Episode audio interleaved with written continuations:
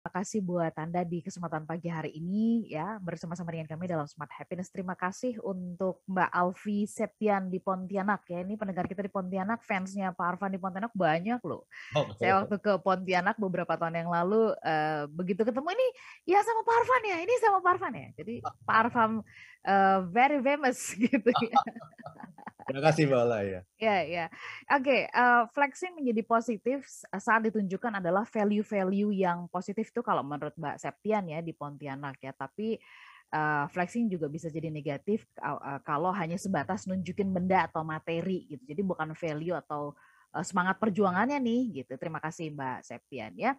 Oke, uh, saya mau kita melaju lebih jauh dulu ya uh, kepada soal uh, tadi Pak Arfan sempat sebelum jeda tuh kan kita bicara tentang uh, apa Pak Arfan? Iya, uh, pengakuan tadi gitu. Apa maknanya sih gitu seseorang tuh kalau diakui atau nggak diakui gitu? Kalau secara uh, kedalaman di dalam dirinya begitu Pak Arfan mungkin bisa kasih uh, insight soal hal ini. Terima kasih banyak Mbak Ola ya. Jadi uh, mudah-mudahan talk show ini membuka mata kita ya. ya. Bahwa yang namanya flexing itu sebetulnya semua orang itu ingin flexing. Okay. kalau jujur, kalau jujur gitu. Dan kita terlalu melakukan flexing, flexing yang kecil-kecil gitu, Mbak Ola.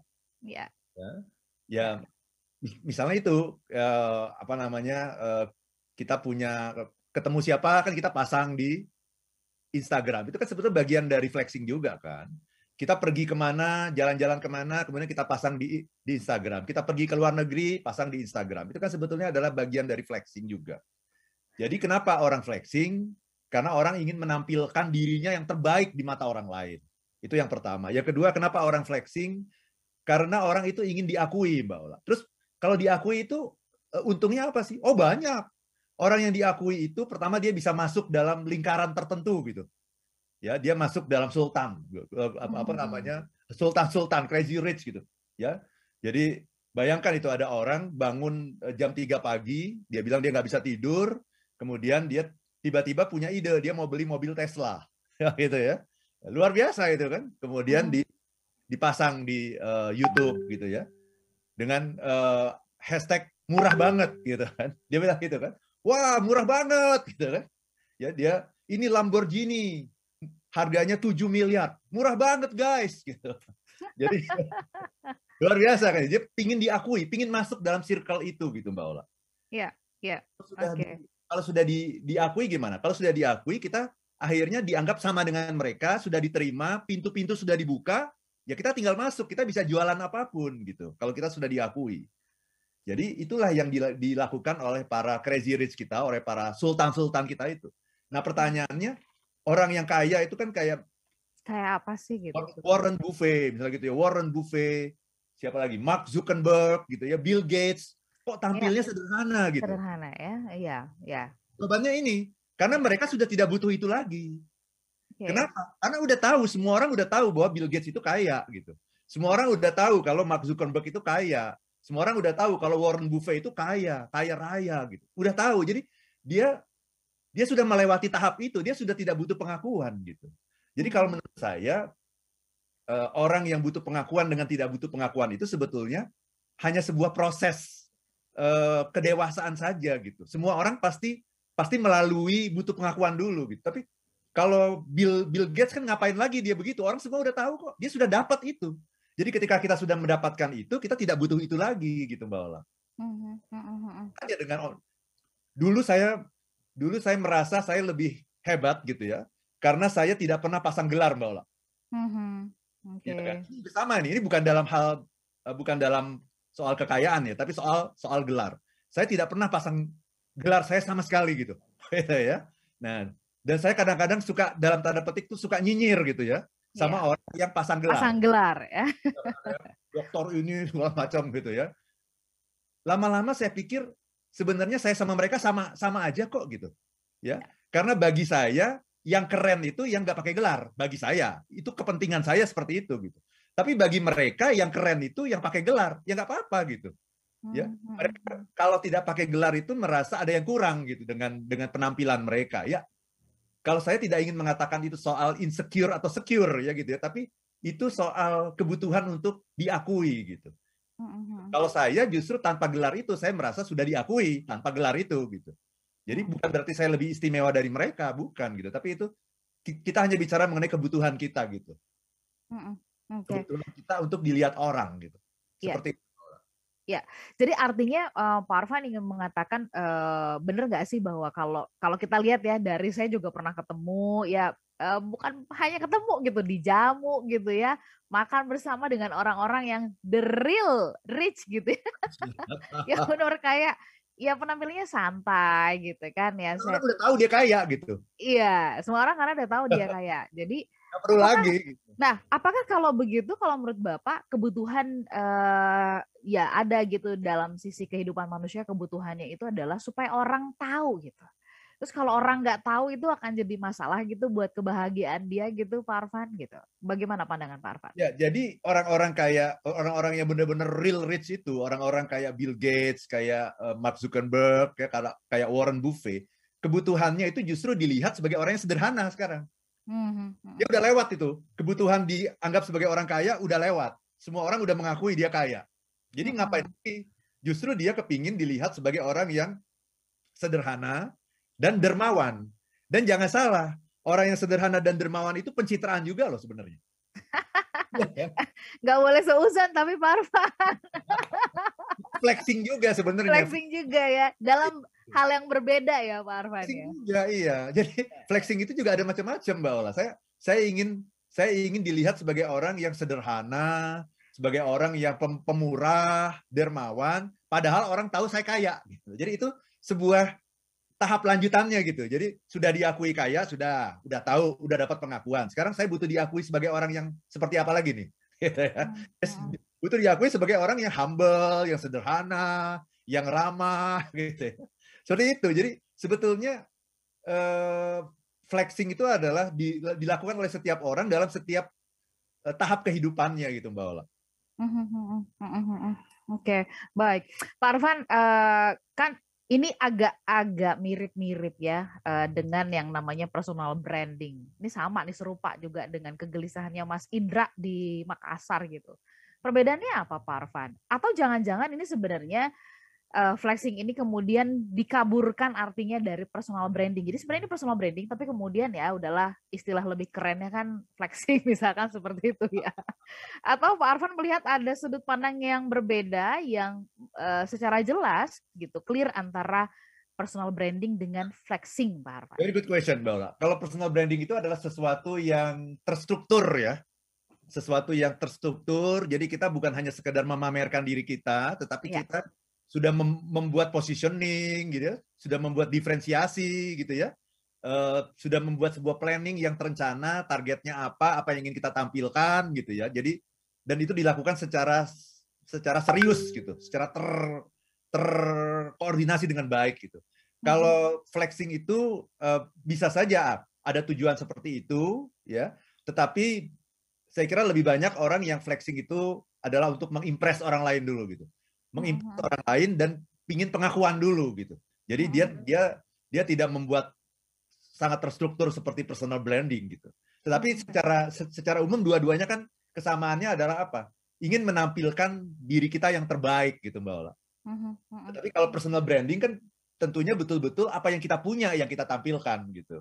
Oke. Ya, nah, kalau flexing ini sayangnya sering kali juga bukan hanya yang kita punya yang kita tampilkan, tapi yang kita tidak punya pun kita tampilkan seolah-olah kita punya itu gitu.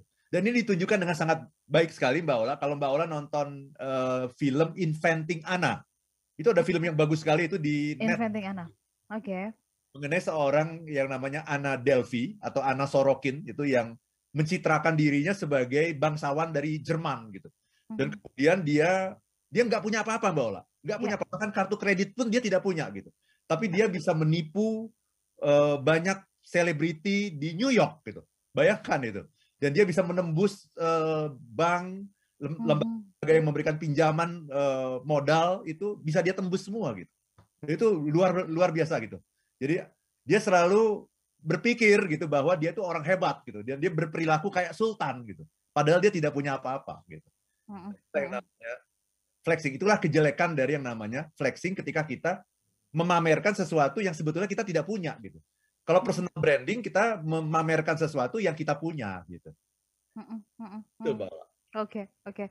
Pak Arfan, uh, kita bahas lebih lanjut ya di sesi yang berikutnya nanti. Ini bahayanya kepada kejiwaan tuh apa sih gitu? Oke, ya, siap Mbak.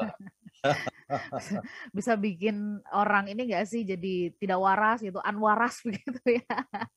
Hidup dalam hayalan gitu, hidup dalam hayalan, uh, bermimpi lebih dan ya seterusnya lah begitu. Kita bahas juga nanti beberapa Eh, tanggapan-tanggapan yang masuk ya melalui YouTube, melalui Facebook atau juga WhatsApp dan ingin menyapa Anda juga yang eh, hadir melalui Jux Music. Kami jeda sesaat smart listener nggak kerasa satu sesi yang terakhir kita akan akan uh, hadirkan untuk Anda. Dan ini ada titipan dari Pak Edi di Sidoarjo, Pak Arfan mungkin nanti bisa diselipkan tentang hasil uh, survei 10 negara paling bahagia gitu. Indonesia yep. masuk di urutan keberapa Pak? Okay. Apakah ada peningkatan gitu? Kita ya, sambung Pak nanti di sesi yang berikutnya ya. Kami jeda sesaat Smart Listener. Juga sahabat yang bergabung, terima kasih ada Wamena yang hadir. Wow, terima kasih sudah mendengarkan kami pagi hari ini ya. Di Tangerang, Kota Bumi juga hadir. Di Kuala Cerape, ya ini hadir juga nih. Kuala Cerape ya. Terus kemudian Anda yang ada di Kalimantan Tengah ya, kemudian di Palangkaraya, Samarinda, terima kasih sudah bergabung. Begitupun dengan Anda yang ada di Makassar, Manado, Banjarmasin, Balikpapan, kemudian Palembang, Medan dan juga Pekanbaru dan Surabaya, Yogyakarta, Jakarta, Depok, Tangerang, Bekasi dan kota-kota di sekitarnya. Terima kasih sudah bergabung bersama-sama dengan kami di kesempatan pagi hari ini. Baik, kami masih melanjutkan pembahasan mengenai fenomena flexing ya, uh, smart listener. Uh, sebelum kita melaju lebih jauh, uh, ada titipan pertanyaan dulu, Pak Arfan mungkin bisa update ini tentang uh, apa namanya posisi Indonesia dari hasil uh, survei gitu ya negara paling kaya eh bukan paling kaya paling bahagia dan sebelumnya mungkin kalau Pak Arfan ada informasi monggo jika ingin ada yang disampaikan kepada smart listener silakan Pak Arfan. Nah ini uh, breaking newsnya ini ya dari hasil uh, World Happiness Report itu baru keluar hari Minggu kemarin Mbak Ola. Jadi hmm. memang uh, World Happiness Report itu keluarnya itu pada tanggal 20 Maret setiap tahun gitu ya. Jadi saya sudah lihat itu, sudah baca itu, 10 negara yang eh, terbahagia di dunia itu masih kurang lebih sama ya saya bacakan ya. Nomor satu Finlandia ya. Nomor dua Denmark. Nomor tiga Islandia. Nomor empat Swiss. Nomor lima Belanda. Nomor enam Luxembourg. Nomor tujuh Swedia. Nomor delapan Norwegia. Nomor sembilan ada pendatang baru yang sebelumnya tidak masuk dalam 10 besar namanya Israel hmm. Nomor 10 Selandia Baru. Oke. Okay. Seperti itu ya. Nah, yeah. Indonesia nomor berapa? Sayangnya agak turun. Mungkin karena Covid kali ya. Jadi agak, yeah. agak turun. Kita di tahun 2020 2020, uh -uh. 2020 kita masuk nomor 82. Dan sekarang tahun 2021 naik jadi nomor 80. Mm -mm. Sekarang tahun 2022 turun lagi jadi nomor 87 Mbak Ola. Waduh ya turun beberapa tingkat ya. Turun beberapa tingkat gitu ya. Jadi kalau dilihat dari ininya apa angkanya ya, angkanya itu kan dari 1 sampai 10 ya. 1 sampai 10. Kalau Finlandia itu dari 1 sampai 10 itu dia di angka 7,8. Mm-hmm. Ya, tingkat kebahagiaannya. Kalau Indonesia itu kalau tahun lalu itu 5,3. Mm-hmm. Tahun ini agak turun jadi 5,2 Mbak Ola. Mm-hmm. Seperti itu Mbak Ola. Oke. Okay. Baik. Uh, nggak cum laude ya kalau 5,2 ya smart listener ya. Baik, Pak Arvan, uh, oke, okay. ini rasanya sih masih ingin menggali banyak banget, tapi ini tersisa waktu, saya coba uh, apa namanya uh, bacakan beberapa pertanyaan dan smart listener, uh, mengingat kita sudah dalam masa transisi endemi ya, uh, dari pandemi ke endemi dan uh, saya mau kasih kabar gembira kepada Anda bahwa Smart Happiness ini nih dalam beberapa kali survei menempati posisi-posisi sebagai posisi program terbaik, uh, bukan terbaik maksudnya paling diminati, favorit, tertinggi gitu kan. Tapi kan nggak boleh stop sampai di situ ya. Kita harus uh, moving forward. Ini harus ada sesuatu yang bisa kita lakukan. Nah, berikan kami usul ya. Anda bisa kasih usulan di masa setelah uh, transisi nanti gitu ya. Kita sudah agak lebih uh, lowong gitu Uh, apa usulan Anda untuk kita lakukan bersama-sama uh, bersama dengan program Smart Happiness ini? Apakah kita mengadakan offline, hybrid begitu? Kalau iya, kira-kira uh, kalau menurut Anda uh, topiknya apa? Atau apakah Anda setuju kalau misalkan kita jadikan nih gathering bersama dengan listener yang rencananya kita mau mengadakan di Kebun Raya Bogor yang sempat tertunda juga gara-gara Omikron meledak lagi. Omikron meledak kan waktu itu ya. Silahkan, kami butuh uh, catatan masukan dari Anda ya. Bebas Anda boleh kirimkan kapan pun melalui YouTube, melalui uh, WhatsApp, WhatsApp yang biasa Anda pergunakan ya ke 0812 11 12 959. Pak Arfan, apa bahayanya sih kalau orang terjebak dalam flexing gitu ya? Apakah ini bisa menimbulkan ketidakwarasan, hidup dalam fata morgana gitu ya, eh, berhalusinasi gitu, ber, berhayal terus begitu atau bagaimana sih Pak Arfan? Silahkan. Ya, eh, satu hal Mbak Ola ya, eh, kalau kita mau sukses, caranya gimana? Ini kalau mau sukses ya, kita bicara kesuksesan dulu ya kalau mau sukses sih kita harus berpura-pura sudah sukses. Uh-huh. Jadi memang kita harus membayangkan diri kita itu sudah sampai di level yang kita inginkan, di mimpi-mimpi kita itu. Kalau mau jadi sultan ya bayangkan diri Anda sudah jadi sultan gitu. Uh-huh. Gitu ya. Mau jadi orang kaya bayangkan diri Anda sudah jadi orang kaya. Jadi memang uh, uh, membayangkan seperti itu itu diperlukan gitu. Karena ketika kita membayangkan diri kita sudah sampai pada level tertentu, kita akan berperilaku dengan cara-cara tertentu gitu. Dan nanti orang akan melihat uh, kita berperilaku dengan cara-cara tertentu, orang akan uh, tambah percaya, tambah yakin sama kita gitu. Jadi memang uh, itu diperlukan sih, ya. Uh, tetapi ketika kita uh, menghalalkan segala cara gitu, dalam pengertian kita tidak punya barang-barang yang dipamerkan, tapi kita meminjam barang-barang orang, kita kemudian uh, apa menciptakan sesuatu yang sebetulnya tidak ada. Nah ini kita sudah masuk ke dalam uh, sesuatu yang merugikan banyak orang gitu. Nah, satu hal lagi juga yang juga perlu kita uh, sikapi juga sebetulnya, uh, ketika kita pamer, kita harus tahu juga nih, ketika kita pamer, kita akan banyak mendapatkan pengagum, ya. Tetapi kita tidak akan mendapatkan banyak teman, bahwa mm-hmm. Pengagum banyak. Yeah. Orang percaya bahwa kita sudah mendapatkan uh, suatu privilege tertentu gitu ya. Tetapi orang itu tidak mau jadi teman kita gitu karena orang lebih suka berteman sama orang yang tidak pamer sebetulnya. Dan itu ada ya. penelitiannya gitu. Ada sebuah penelitian di Inggris gitu ya. Ketika orang itu pamer sesuatu, orang mengagumi tapi tidak mau jadi temannya gitu. Ya. Jadi kita semakin sedikit teman kita uh, ketika kita memamerkan sesuatu. Nah, ini juga sesuatu uh, bahaya juga. Jangankan itu Mbak Ola ya. Mm-hmm. Kita pamer saja mis misalnya kita pergi ke luar negeri gitu ya. Yeah. Kita pergi, pergi ke luar negeri. Kan yeah. ini kan karena didorong oleh sosial media kan. Yang namanya sosial media kan. Ketika kita punya sosmed itu kan kita ada sebuah pressure kan untuk yeah. selalu posting kan. Ya. Yeah. Benar nggak begitu? Betul. Betul. Ya. Kok udah kok udah berapa hari nggak posting posting sih kamu gitu? Saya juga bingung apa yang mau saya postingin gitu. Oh nggak ada kegiatan apa pun kan seperti itu. Tapi kan yeah. ada pressure. Nah akhirnya uh, katakanlah nih Mbak Ola pergi ke luar negeri gitu ya, iya ya.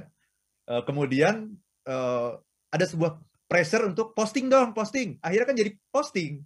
Nah, posting itu mungkin awalnya hanya ingin menyampaikan sebuah informasi, tapi kan ada niat. Nah, di, di sini kita selalu bermain dengan yang namanya intention. Intention ya. Intention itu yang membedakan ya, Pak Arfan ya. Betul. Awalnya kita cuma pengen posting. Kebetulan saya lagi ikut konferensi di luar negeri kan gitu. Terus saya juga punya sebuah pressure, ayo dong pasang uh, posting sesuatu dong di Instagram gitu kan. Mm-hmm. Nah, saya sedang ada di luar negeri ikut konferensi, ya sudah akhirnya saya posting acara konferensi. Tapi kan yeah. kemudian dalam diri kita itu kan sering muncul ini ya, bisikan-bisikan kan. Oh sekalian aja mumpung kamu lagi di luar negeri, postingnya ini itu segala macam gitu. Akhirnya kita sudah masuk ke flexing itu gitu. Ketika yeah. itu kita disadari. Nah, apa yang terjadi? Kemudian orang kan semuanya ini likes dan sebagainya kan.